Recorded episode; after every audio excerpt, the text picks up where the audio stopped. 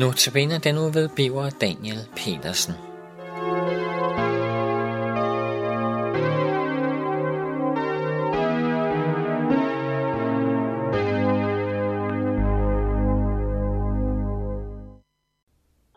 Vi skal i dag læse fra Isaias bogens kapitel 7, vers 14, hvor der står, Men Herren selv vil give jer et tegn. Se, en ung kvinde skal blive med barn og føde en søn og hun skal give ham navnet Emmanuel. Det er en profeti om Jesus, vi læste. En profeti om, at han selv skulle fødes som menneske ind i denne verden. Og selve den historiske begivenhed, som er baggrunden for denne profeti, var en vanskelig udenrigspolitisk situation med et stærkt trusselsbillede for Guds folk. Derfor kong Akas lov til at bede om et tegn for Gud. Er Gud med os? Det vi står op imod er, at det bare hvor er et problem. Og så tales der om, at Herren skal give et tegn. Og så læste vi, en ung kvinde skal blive med barn og føde en søn, og hun skal give ham navnet Emmanuel. Sådan er citatet fra den autoriserede danske bibeloversættelse. I en anden dansk oversættelse læser vi det samme sted. Se, jomfruen skal blive gravid. Hun skal føde en søn, og han skal kaldes Emmanuel. De ord bruges også i den autoriserede oversættelse, når vi læser frem i Nytestamentet.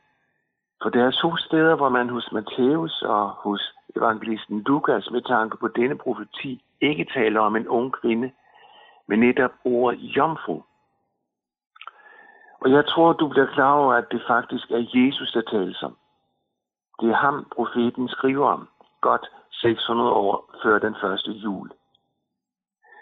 Vi bekender jo om Jesus, at han blev født af Jomfru Maria, og på samme måde synger vi, en fattig jomfru sad i løn og fødte himlens kongesøn.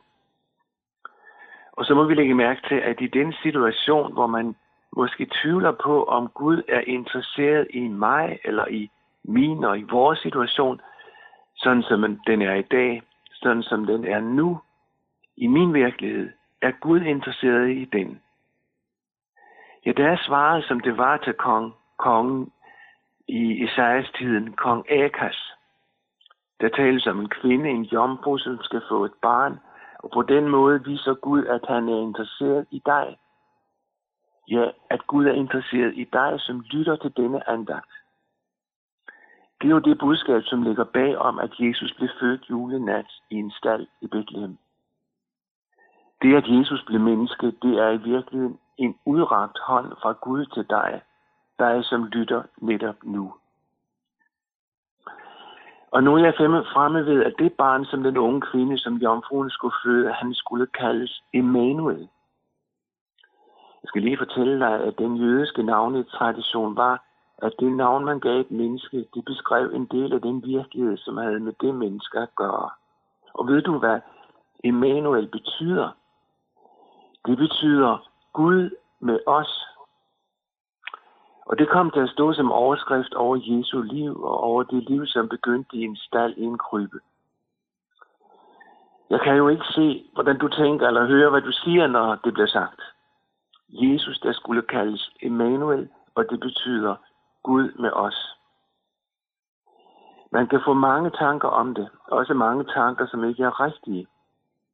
Du kan sidde med de tanker, den tanke, at det der med, at Gud er med os, det betyder sikkert noget for andre.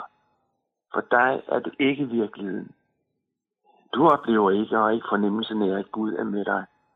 Og din situation lige nu så er sådan, synes du, at Gud der ikke kan være interesseret i dig. Din oplevelse er så anderledes. Men nu skal du høre, for det tegn Gud gav, det beskriver en anden virkelighed hvem du end er, hvordan dit liv han end har formet sig indtil i dag, så har barnet, ham der blev født, Jesus, vundet noget til dig, som han vil give dig. Han har nemlig vundet den ret til dig, at du kan sige, Gud er med mig. Gud er ikke imod mig, men med mig. Altså Emmanuel, som var det, han skulle kaldes.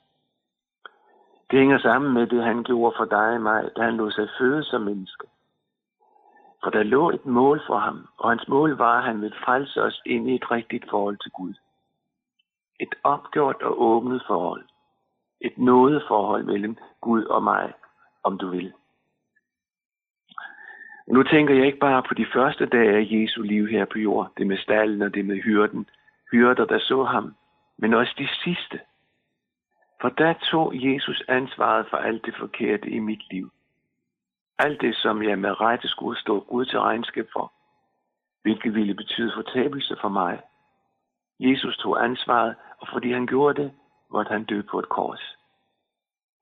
Ja, han måtte dø under de forfærdelige kvaler, som det er at have Gud imod sig. Men han tog ansvaret for dig og mig i din situation. Han byttede med dig og mig, og dermed skabte han en nåde hos Gud. Eller skal jeg sige, han skabte en nåde i Guds hjerte. Så du og jeg kan blive børn af Gud. Et forhold, hvor Gud smiler til dig og tilsiger dig sin kærlighed. Emmanuel, det var hans navn.